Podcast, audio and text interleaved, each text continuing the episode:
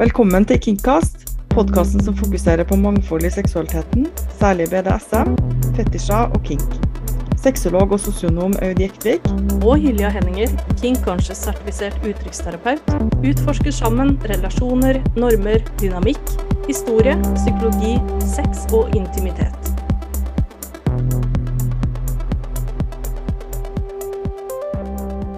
I dag så skal vi snakke om kontrakter i BDSM.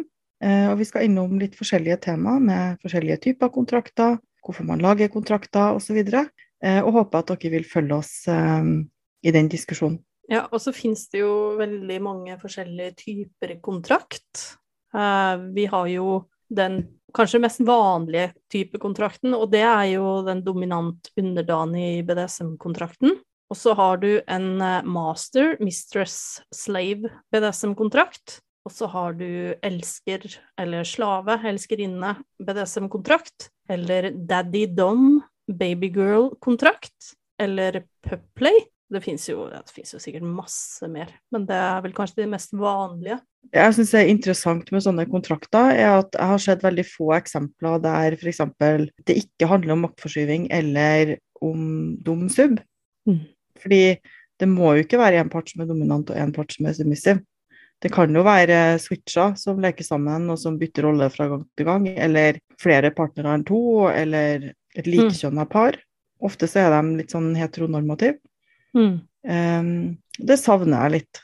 Fordi man kan jo selvfølgelig lage en kontrakt sjøl og, og inkludere akkurat det man vil, men det er jo veldig kjekt for mange å ha et utgangspunkt. Ja, det er, jo, det er jo absolutt det. Det er veldig litt sånn basert på maktforskyvingsdynamikk.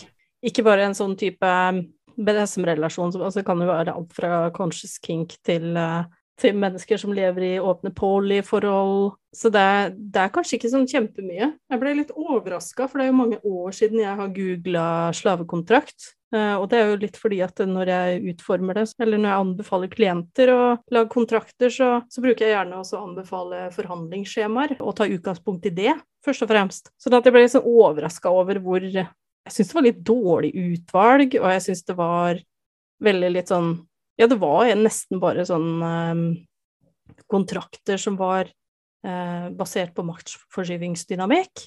Så det er noen av dem der jeg leser litt Altså, litt sikkert at det egentlig er tilfellet, men jeg leser i alle fall en slags sånn undertone av at, at det er en mann som er dominant, og en kvinne som er underdanig inni dem. Mm.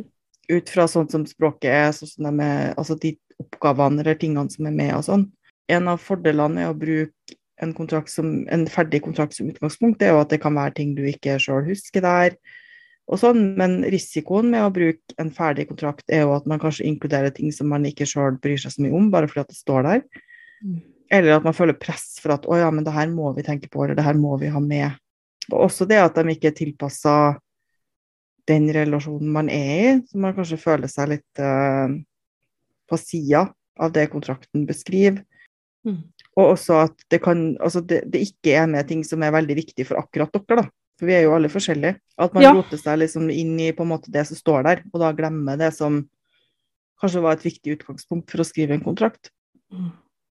Men det er jo mange som også lurer på hvorfor, hvorfor i det hele tatt trenger man en kontrakt. Fordi at eh, ja, vi skriver jo kontrakter når vi skal inngå kjøpsprosesser som å kjøpe en bolig eller kjøpe en dyr gjenstand eller bil.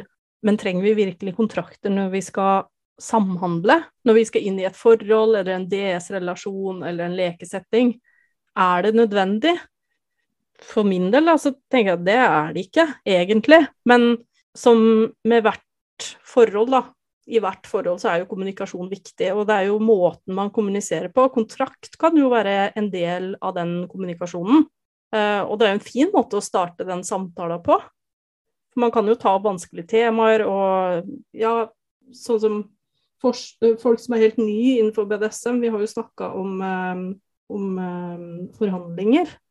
Og på samme måte som at forhandlinger kan ta opp vanskelige temaer med hverandre, kan sette intensjon for eh, leken, så kan jo også kontrakter gjøre det. Så det er jo også en veldig positiv ting med kontrakt. Ja, selv om, man, om de ikke er nødvendige, så, så kan det være en veldig sånn fin bevisstgjøring av hva er det egentlig jeg vil hva er egentlig grensene mine? Når man må skrive det ned og gjøre det tydelig på den måten, som i en kontrakt, så kan det bli tydeligere for deg sjøl også. Forhandling er viktig, men når man skriver ned en kontrakt, så er det viktig å huske på at samtykke alltid kan trekkes tilbake, og at selv om man har skrevet noe i kontrakten som ja, det hadde jeg lyst til da, eller det var en regel som jeg gikk med på da, så kan man alltid eh, bruke stoppord eller eh, si at nei, det stemmer ikke lenger. Og kontrakten kan jo også brukes som et sånn eh, skjema eller et dokument som du kan komme tilbake til seinere. Eh, og litt sånn eh, OK, nå har det kanskje gått litt ut på dato, det feltet her. Kanskje vi skal oppdatere litt, eller kanskje du kan også bruke det til å se på hvordan forholdet utvikler seg, og hva slags endringer du vil skal gjøres i fremtida, da. Det er en fin måte å bruke en kontrakt på, tenker jeg. Kanskje har man eh, et selvutviklingsprosjekt, kanskje blir man mer knytta til hverandre, kanskje lærer man nye ting som man skal inkludere i kontrakten. Det kan være litt sånn hyggelig å ha gamle kontrakter som minner, for å minne en på hvordan eh, relasjonen og leken var den gangen. Mm. Altså, man endrer seg jo hele tida, man er i konstant utvikling, og i, i fremtida så kan det jo være at eh, det du skrev når du var 20 år i den kontrakta der, det hadde du aldri ville ha gått med på når du var 30. Eller så kan det være helt mm. motsatt, at det du skrev når du var 20 år, at nei, nei, nei, jeg kommer aldri til å ville prøve knife play. Eh, kniv, altså som er knivlek, da. Eh, utforsking med kniver og, og sånn. Kan det jo hende at man har lyst til å prøve når man er 30. Så er sånn, ja, nå føler jeg meg komfortabel og trygg, og jeg, litt, jeg syns det her virker litt spennende. Sånn at det er veldig lurt å bruke det som en sånn Her kan vi gå tilbake, og her kan vi sjekke ut Har vi lyst til å utfordre oss litt, eller har vi lyst til å fjerne noe? Grensene flytter jo seg. Altså, grensene blir jo både trangere og mer romslige med tida. Ja, man lærer hva man liker og ikke liker på en annen måte, altså gjennom erfaring, da, enn gjennom å fantasere eller å forestille seg hva man tenker at man liker. Eh, og man kan også lære nye ting i ulike relasjoner. Vi er nødt til å nevne at kontrakter vil ikke være juridisk bindende. Eh, det vil de ikke være uansett. Eh, fordi at man kan ikke på lovlig vis i Norge eh, kontraktfeste at noen er sexslaven din, eh, eller at man eier noen, eller at noen Så det er ikke sånn det fungerer. Så det vil alltid være Det kan føles veldig, veldig alvorlig og reelt fordi det gjelder, og det er jo en del av sjarmen. Man har signert en kontrakt, og en skriftlig avtale vil føles bindende mellom de som har signert. Men det vil ikke funke i en rettssak.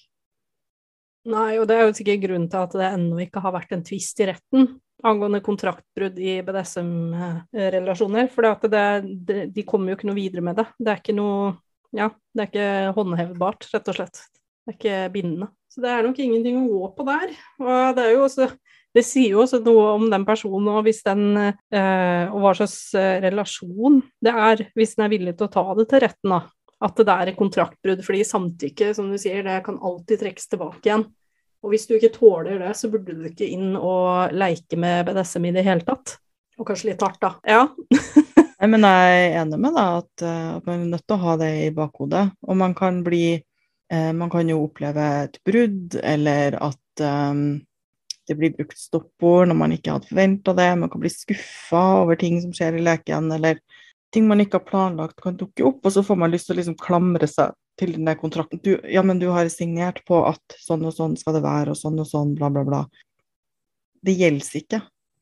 Man kan love hverandre og inngå liksom i det med de beste intensjoner om å holde avtalen, men, men uh, det kan alltid oppstå ting. Det er alltid en risiko. Det er det. Mm.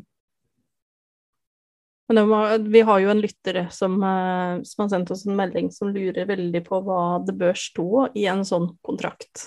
Og det kan jo være Altså, det er jo noen som skriver titalls messier eh, når de skal skrive kontrakt.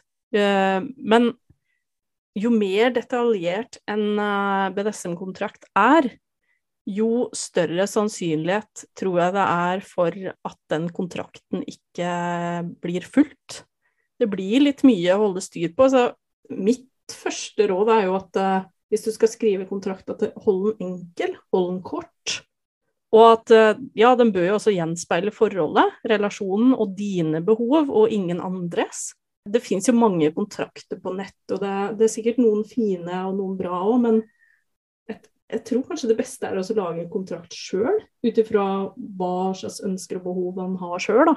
Og det er jo ikke noe vits i å ha en tom sjekkliste og krysse av for uh, både straff og belønninger og ting man kanskje aldri ville ha sagt ja til og hei og hå. For det skal jo passe deg. Ja, det kan være altså, for Hvis man har en ferdig kontrakt, så, kan man ikke være, så vil man ofte ikke bli like kreativ. Da, da vil jo det på en måte forme det man tenker og det man fokuserer på. Og Det kan være en, en veldig fin måte å bli kjent med en partner på. Enten en partner du, du kjenner fra før, eller en ny partner, og hør hva er det man prioriterer, hva er det man nevner først, hva er det man syns er viktig. Jeg tenker at det kan si veldig mye om en person, og hvordan, hvordan leken vil bli. Mm. Men det er jo noen ting som er lurt å ha med, da uansett. Og det er jo på lik linje med forhandlinger, så, så bør man jo også inkludere noen ting, som, som f.eks. tid. Eh, hvor lang tid skal, skal kontrakta vare, når den er gyldig fra, og når er den gyldig til?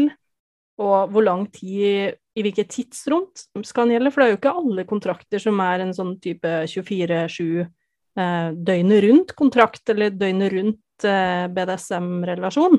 Kanskje kan det jo være at, at, den kontrakten gjelder fra klokka fem til klokka sju i døgnet.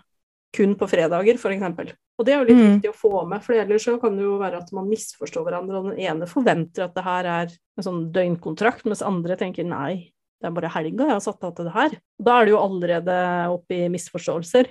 Ja, og så at det kan også være i et tidsrom der man har et bestemt symbol på seg, eller etter at man har sagt et ord som på en måte Nå er vi i gang trenger ikke å være sånn tidsbestemt med klokkeslett heller. Nei.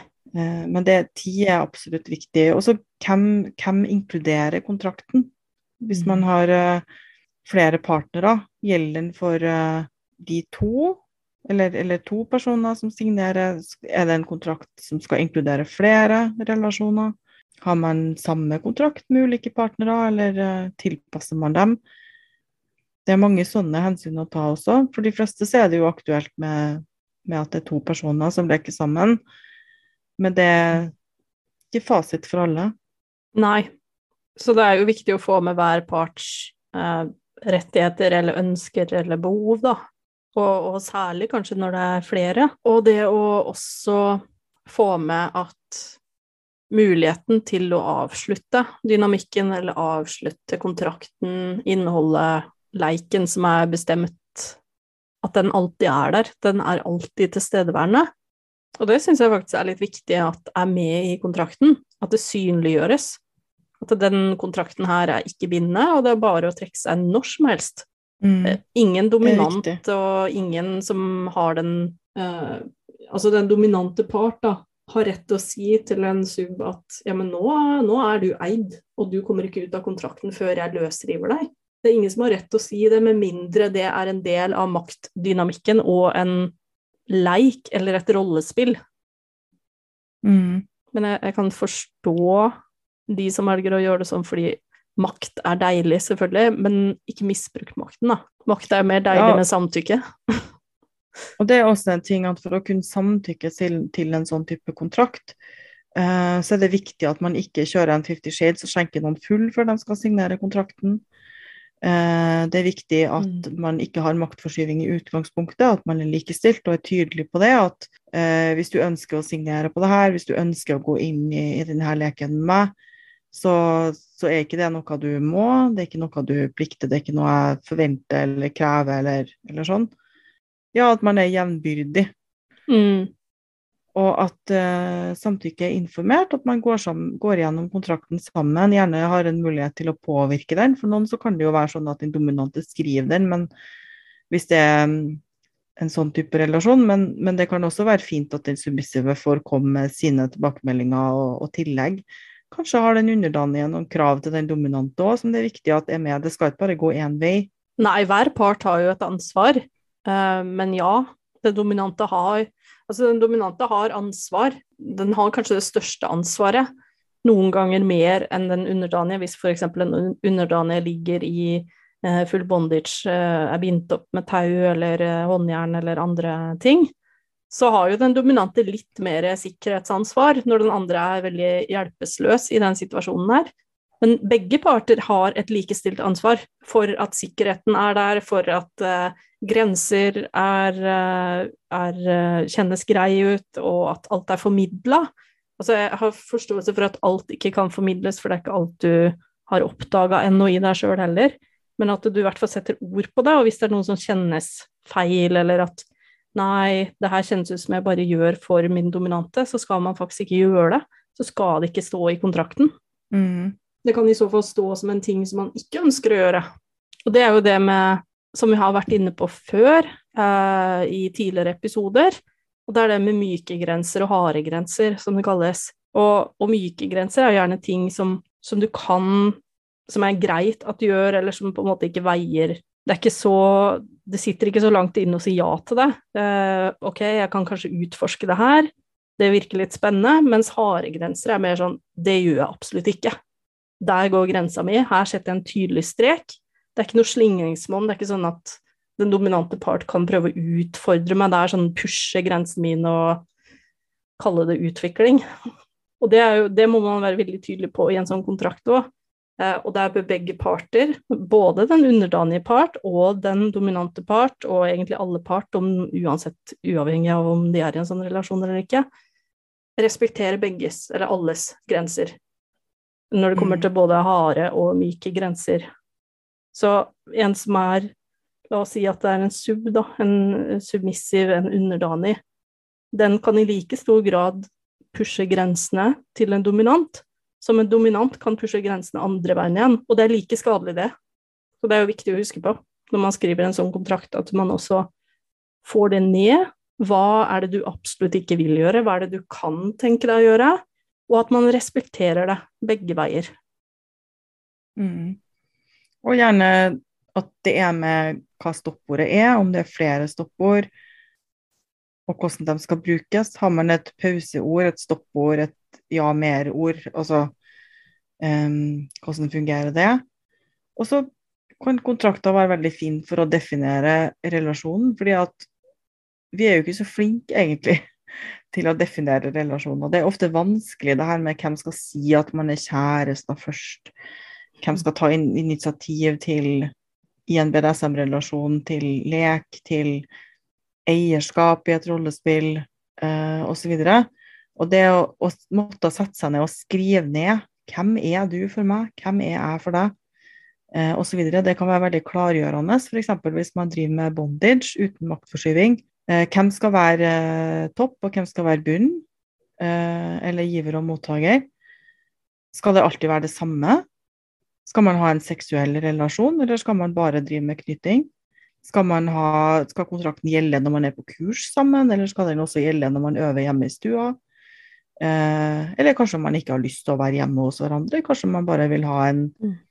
en litt sånn overfladisk eller, eller sånn bekjentskapsrelasjon som man begge får noe positivt ut av fordi man får utforske bondage. Eh, skal man eh, Altså tar man sikte på å bli kjærester, skal man ha med det i en kontrakt, eller er det utelukka?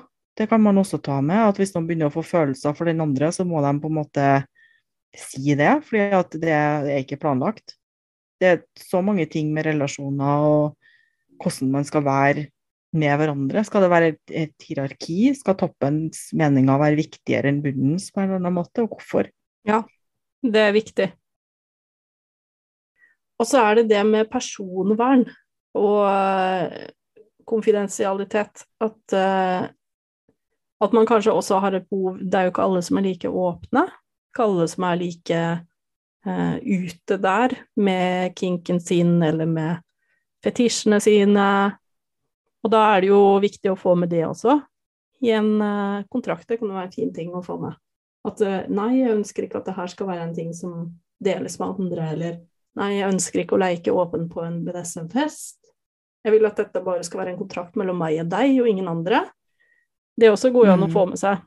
Eh, og at ikke det deles. Det er ikke noe som skal sendes på, som et PDF på eller legges ut på Fetlife, som er, eh, som er den mer kinky versjonen av Facebook, det nærmeste jeg kommer å sammenligne med. At det skal Det skal være mellom de to, eller de partene som har signert, da. En sånn forståelse for ok, nå er vi eksklusive, eller nå, nå deler vi. Mm. Og så aftercare, da. være Det òg syns jeg er viktig. Hva slags type Ja. aftercare som skal være med, og Noen vil jo ikke ha aftercare, mens veldig mange vil jo ha det. Noen vil jo, og aftercare er jo at man gjerne får litt um, omsorg og nærhet og pjusking eller andre ting etter man har hatt en heftig eller intens scene, eller sex, eller Kanskje vet man noe om hva slags type aftercare man trenger etter spesifikke typer lek, og så kanskje hvis man har hatt smertepåføring, så vet man at OK, da vil jeg ha litt eh, salve på rumpa, eller jeg vil strykes litt, eller jeg vil ha litt kjølig. Altså at det skal være litt kjølig der man har eh, påført smerte. Eh, hvis man har eh, drevet med ydmyking, kanskje man vil høre hvor fin og flott man er, og at det var ingenting av det man sa som man mente. Eh, ja, det, hvis man vet det, så er det kjempefint å ha det med i en kontrakt. Eller at man skal snakke om det før hver session, eller ja. Ja. Og når det kommer til det med ydmykelse, da, og ydmykelse og avstraffelse og disiplin, det er jo ting som også bør kanskje nevnes, da. Eh, For er det noe du vil ha med i leiken sin? Det er jo ikke alle som er, eh, som er underdanige eller um, Eller utøver BDSM generelt, som, som har lyst til det. Det er jo ikke alle som har lyst til å Det er kanskje noen som har lyst til å bli ydmyka, men ikke i en sånn grad som kanskje den andre parten ser for seg. Så det er viktig å være veldig detaljspesifikk. Det hjelper ikke å bare skrive 'ja, jeg vil bli ydmyka', fordi hva legger du egentlig i det ordet? Det kan jo være at den andre parten, eller de andre som er involvert, legger noe helt annet i det ordet enn det du legger i det ordet. Så det er viktig å være veldig spesifikk. For meg så Du kan jo skrive f.eks. at for meg, for meg så handler ydmykelse om å bli kalt tøs, f.eks. Men ikke noe mer enn det. eh, og så stopper det der. Ikke noe, ikke noe mer voldsomt enn det. Og så for andre så, så kan det jo være at ydmykelse er mye mer heftig. Altså det er sånn dehumanisering, og du blir brukt som menneskelig møbel, eller noe i den duren. Så det, det er derfor det er så viktig å være spesifikk, sånn at det ikke blir noe misforståelse. da. Altså begrepsavklaring og sånne ting er kjempeviktig. Og det er jo en fin ting med en kontrakt, da, at det kan eh, klargjøre en del sånne ting. Gjøre det tydelig hva man egentlig mener. Ja. Og så har du jo som sagt mulighet til å endre vilkåra når som helst. Det skal være åpenhet for det fra dag én. Og det er jo noen som også inkluderer nødvendige juridiske eh, paragrafer og erklæringer, men det blir jo mer litt sånn for syns skyld, eller litt kanskje mer for følelsens skyld, for det har jo som sagt ikke noe det har ikke noe Det er jo ikke juridisk bindende, sånne typer kontrakter, så det har jo Det blir mer den følelsen det gir, kanskje, av at det blir mer bindende. Tenker jo ikke det, det er nødvendig, med mindre det er noe som, som gir noe glede i maktdynamikken eller i den relasjonen. Ja, ofte når man omtaler kontrakter, så snakker man jo om det som noe fryktelig seriøst og alvorlig og, og sånn, men kontrakter kan jo òg være kjempemorsomme. Eh, Man kan jo bruke humor i en kontrakt og, og være så usaklig som man bare vil. Fordi den er jo ikke juridisk bindende, så den kan jo inneholde akkurat hva dere vil. Ja. Jeg glemte å si en ting på starten som jeg kunne ønske jeg begynte med, og det var jo intensjon. At uh, intensjonen for Det å sette intensjonen i starten av en kontrakt, det tror jeg er veldig lurt, og det er det også når man skal begynne å forhandle. Så er det alltid intensjon jeg anbefaler å sette først. Fordi det, det tydeliggjør litt hva du har lyst å få ut av, eh, av leken eller BDSM-scena. Så det kan jo være at dere har helt forskjellige behov, at dere ser for dere at utfallet er noe helt annet og helt forskjellig, og da er det greit å ut, eh, altså, å tydeliggjøre det i starten, da. Sånn at man ser at ok, den kontrakta her, den kommer ikke til å bli noe av, eller kanskje kan vi prøve å møte hverandre litt på veien, eller kanskje kan jeg møte dine behov, og du kan møte mine. Men at man tydeliggjør veldig i starten at ok, jeg vil leike fordi jeg vil ha en utvikling, eller fordi jeg har lyst til å bli mer Bruke stemma mi mer, eller bare fordi jeg har lyst til å ha det gøy. Jeg gjør det her fordi jeg, bare syns kink er kult, og fordi det gir meg masse positivt. Ferdig. Det er bare derfor jeg gjør det. Men vær tydelig på det. Det tror jeg er lurt. Mm. Og det er også en del av ei sånn bevisstgjøring. Hva er det egentlig man er ute etter? Um, og det kan tvinge oss til å være litt sånn ærlige både med oss sjøl og andre, da. Er man Ønsker man å f.eks. være i ei prøvetid for å bli en fast uh, underdanig, eller ønsker man å bygge en romantisk relasjon ved siden av? Det trenger selvfølgelig ikke å være med i en kontrakt, men det kan være det. Um, ønsker man å bli den beste på en måte underdanige som man kan? Ønsker man som dominant å utvikle nye ferdigheter, trene på ting? Uh, ønsker man å bli å få ærlig liksom, tilbakemelding. Um, ja. Det kan være så mye. Og så er det jo noen som også liker å få med konsekvenser i kontraktene sine, uh, og det Og det er jo ikke sånn at alle maktutvekslingsforhold inkluderer konsekvenser for brutte regler eller dårlig oppførsel, men hvis din kontrakt gjør det, så er det viktig å skrive det også tydelig i kontrakten. Sånn at man kan se på det som en påminnelse om hva man prøver å unngå, og man kan bruke den til å kanskje minne seg på hva slags grenser som eh, de involverte parter er lova å holde seg innafor. Og det utfordrer jo også, eller oppfordrer til å diskutere konsekvenser uh, før de må utstedes. Eh, blir litt sånn, uh, ikke for å sammenligne, men altså for å tenke litt barneoppdragelse, at du kan ikke irettesette et barn hvis ikke du har gitt en advarsel på forhånd, eller gitt en sånn tydelig beskjed at det her er ikke lov. Og det samme med underdanige. Når vi voksne leker, så, så, må man også tydeliggjøre hva er det som ikke er lov, og hva slags konsekvenser får det. Så jeg er jo veldig glad i konsekvenser, fordi det kan jo ofte involvere noe som er artig for oss voksne når vi leker samtykkende lek. Og det kan jo Konsekvenser kan jo være f.eks. at det står i kontrakta at uh, hvis du ikke følger det punktet her, så blir det ti piskeslag, f.eks. Og det er jo gøy. Ja, det er gøy. Og så selvfølgelig med den bevisstheten om at samtykke kan trekkes tilbake, men, men det kan også mm. skape en veldig positiv forventning, da at for mange så er det utrolig verdifullt at man vet at hvis jeg gjør den handlinga, så får det den konsekvensen. Det kan føles veldig trygt. Forutsigbarhet kan være veldig sexy. Mm. Og så kan man også da på en måte bestemme når man sjøl vil ha straff, fordi man bryter den regelen, og så, mm. og så, vet man hva det vil føre til. Da er det kanskje lurt at uh, det også er tydeliggjort i kontrakten at uh, det er en felles enighet om at det er uh, greit og attraktivt å bryte kontrakten. Kontrakten er også laga litt for å kunne bryte den.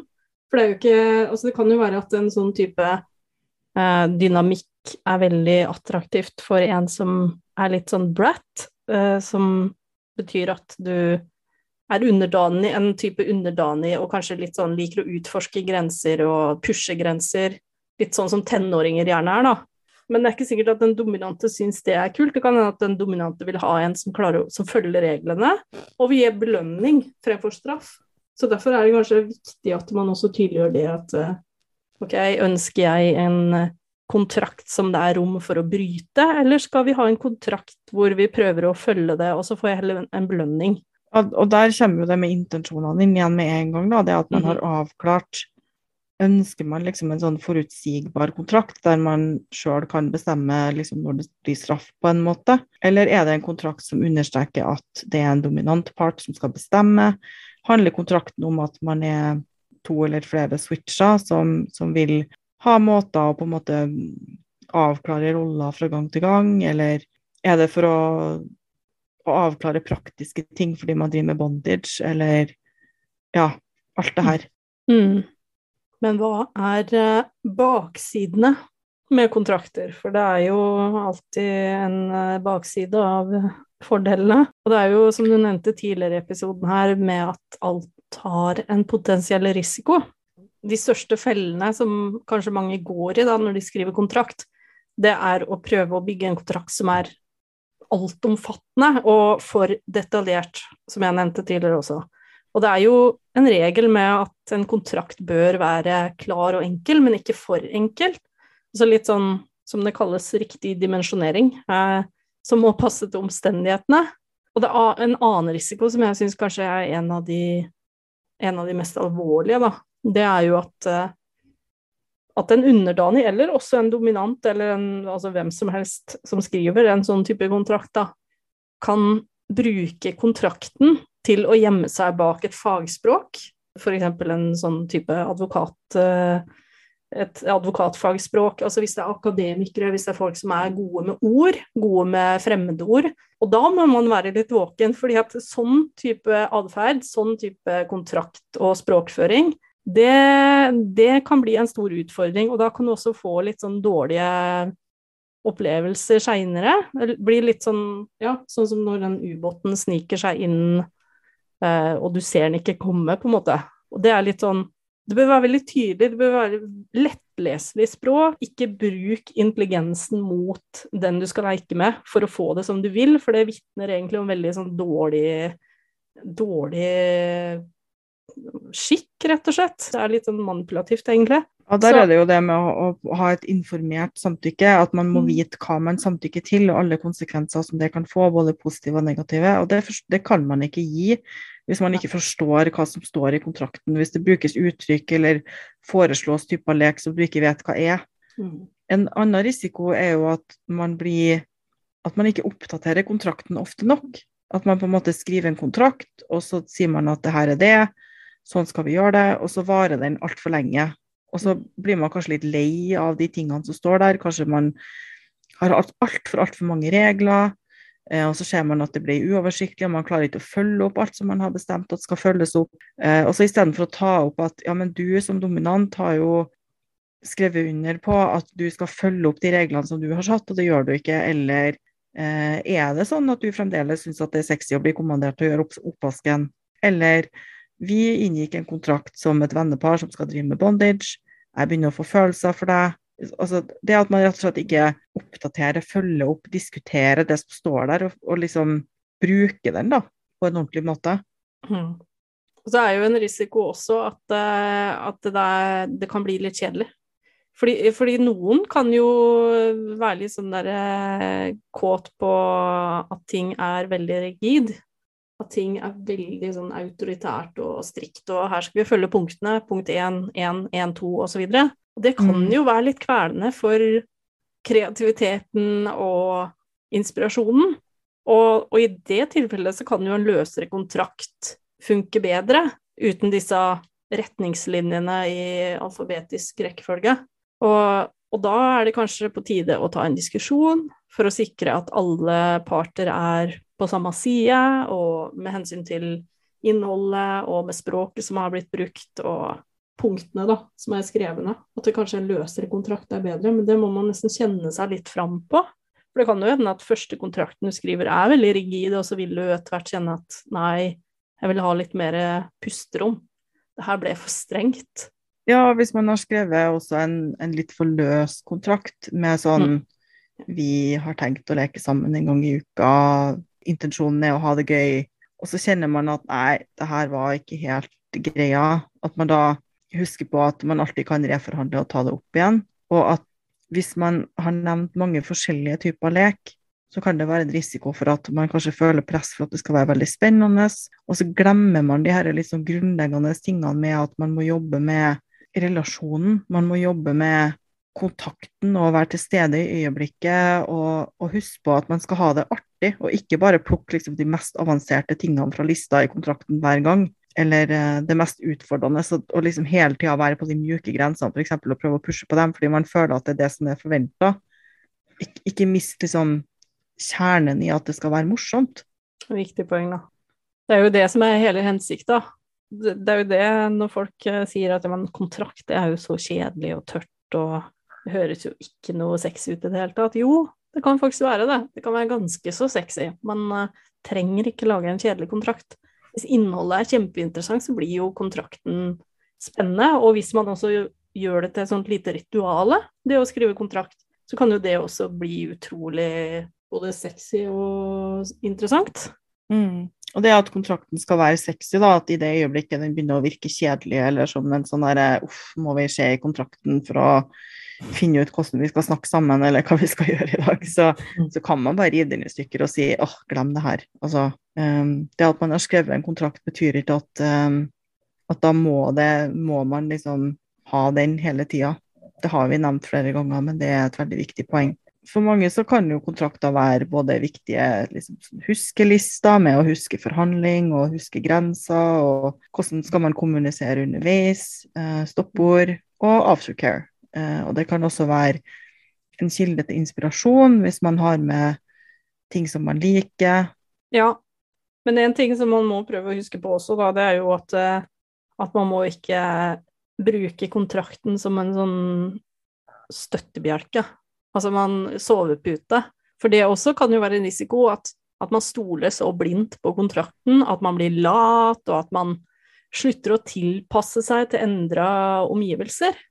Eh, fordi Mhm. at ja, vi endrer oss hele tida, og vår mentale eh, tilstand og vår Altså alt er jo i endring. Det kan være at dagsformen vår ikke er helt der lenger, og at eh, det som står i kontrakten, det passer ikke i dag. Og det handler jo om hvordan man om, eh, på en måte tilpasser seg omgivelser. Og hvis man skal skrive en realistisk eh, kontrakt, så, så må den jo være åpen for gjennomgang og justering ettersom både livet, forhold og helse og andre situasjoner endres. Og ingen kontrakter er skrevet i stein. Og sjøl om de var det, så vil jo tiden og ja, elementene fortsatt få steinen eller kontrakten til å endre seg. Da. Så det er jo viktig å huske på det. At det, det er ikke Her er det rom for endring alltid. Ja, det er det. Og så- kan jo kontrakter også være en kilde til litt sånn forutsigbarhet og litt sånn minne seg sjøl på hva var egentlig intensjonen vår når vi starta med denne leken. For at hvis man har en litt stressende hverdag, eller at man er litt i tidsklemma, at man kanskje syns at uh, man har gått seg litt fast i rollene eller i, i en type lek eller en retning, så kan man lese kontrakten og kanskje få litt inspirasjon også. Hva var det som var målet vårt? Hva var det vi avtalte den gangen? Kan vi på en måte komme oss tilbake til den nysgjerrigheten og den gleden vi hadde når vi skrev kontrakten? Det kan også fungere sånn. Jeg syns jo nesten det heller burde ha hett relasjonskontrakt. For det er jo noe som kan brukes eh, i ikke-kinky forhold òg. Altså mellom, eh, mellom eh, par, mellom flere par. Altså det om du har Altså du kan bruke det i alle typer forhold, da. Om du er kinky eller ikke. Jeg syns jo alle burde enten bruke en form for forhandlingsmetode eller kontrakt når man skal inn i et forhold. For det, det peker deg litt mer i retningen. Det er mye lettere å finne ut hvor vil vi hen. Ja, i hvert fall forhandling. Jeg er litt usikker på det med kontrakt. Det føler jeg at det er litt sånn BDSM-spesifikt, kanskje. Altså For all del, jeg er veldig for samboerkontrakter og sånn. Mm. Um, for at man skal ha på en måte litt rettigheter og, og sånn. Men ja, forhandling er viktig. Hvor, Mm. altså, hvem er vi, hvor skal vi, hva vil vi? Hva er myke og harde grenser, som du har nevnt? Hva mm, Ja, Mm. alt, alt det her. Eh, det å forhandle er superviktig, det burde alle gjøre. Men kontrakter kan jo også være fine å dele med hvis man f.eks. bruker å inkludere andre i leken sin. Da. Det her er det vi tenker. Mm. Eh, og vise fram på en måte hvordan man, litt hvordan man kommuniserer og, og tenker om BDSM for noen andre. Jeg har ikke hørt om noen som egentlig har brukt kontrakter på den måten. De bruker å være mellom to mennesker stort sett, men Mm. det kan jo være noe å tenke på. Ja, det er jo Og interessant. så er det viktig at man ikke liksom holder denne kontrakten over, eh, over noen, og på en måte For det er en risiko med både stoppord og kontrakter, at det blir litt sånn hvis du bryter kontrakten, så er det slutt. Eller hvis du bruker stoppord, så er det slutt. Da avslutter vi BDSM-relasjonen. Det står det i en del av de her eksempelkontraktene òg, at, Mm. at noen av dem foreslår at man skal skrive at hvis ei grense blir brutt, så er relasjonen avbrutt. Og jeg tenker at det burde man vurdere, altså, fra liksom gang til gang. fordi at det kan jo ikke bli sånn at folk blir redd for å bruke stoppord, fordi at da har man slått opp med det samme. Nei. Altså, det, det kan ikke være noe automatikk der. For noen så vil det være riktig. For noen så vil det være et, et så grovt brudd på grenser og tillit og sånn at man kjenner at nå er jeg ferdig. Men det å ha det i kontrakt syns jeg er problematisk. For da, Ja, for da vil det bli vanskelig å uttrykke tvil eller uttrykke at ja, noe føles feil, da. Mm. Ja, altså man, eh, man ser jo det Nå har jeg også veileda noen ektepar i min private praksis som uttrykksterapeut, og man ser jo også det at når, når det kommer ektepar som har skrevet eh, sam, altså ektepakt eller samboerpakt eller foreldresamarbeidsavtaler som har den type konsekvens, da kan du forstå hvorfor han ligger der. fordi at det er jo Altså, det er jo alvorlige årsaker til at uh, par gjerne ønsker å be om mekling, eller par ønsker å gå i parveiledning. Det er jo ofte årsaker mm. til det. Men den der generelle, den der konstante trusselen som alltid ligger over forholdet, den gjør også noe med dynamikken mellom paret. Den gjør noe Altså, den vil alltid ligge som en sånn ytre trussel som vil også prege valga de tar i hverdagen, det vil prege kommunikasjonen mellom de. Så jeg også har tenkt det du sier nå, at er det egentlig så lurt å ha det med i en kontrakt. Fordi vi veit jo egentlig helt sånn ubevisst eller sånn kommunisert hva som kommer til å skje hvis vi bryter kontrakta, men må det stå der? Er det veldig viktig at det står der? Jeg kan jo skjønne f.eks. hvis det er snakk om en samboerkontrakt, og hvis, eh, hvis, mor drikker, hvis det er rus, hvis det er et eller annet sånt, at eh, da er konsekvensen at da går omsorgen til far. Jeg kan skjønne det i en sånn type situasjon, men når vi snakker om slavekontrakter eller BDSM-kontrakter, er det egentlig så nødvendig?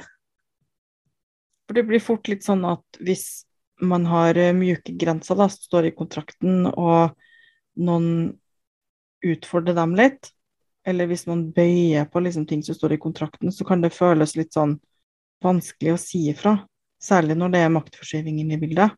At ja, jeg vet at jeg signerte på det, men det, vet, det, føler jeg ikke lenger at det er OK. Da har man ikke liksom kasta kontrakten i dass og trampa på den, liksom. Det, det, er i reforhandling, og det er helt normalt. Ja, man skal ikke bli skamma for det, i hvert fall. Mm.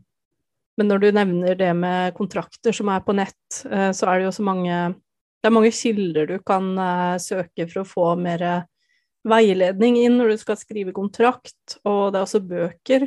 Og det er jo en bok som heter for eh, uh, master slave BDSM contract, guide to prepare your own master slave contract in, in writing av Diane Kitting.